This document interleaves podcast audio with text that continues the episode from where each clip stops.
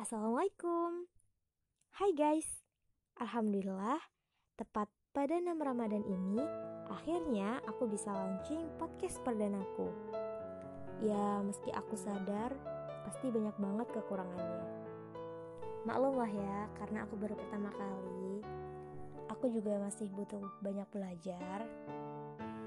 Dan pastinya semua yang aku share di sini menjadi reminder bagi diriku sendiri dan aku berharap semua yang aku share di sini bisa bermanfaat dan menginspirasi.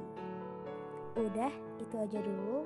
Terima kasih buat kalian di mana pun kalian berada dan kapan pun kalian mendengarkan podcast ini. Bye. Assalamualaikum warahmatullahi wabarakatuh.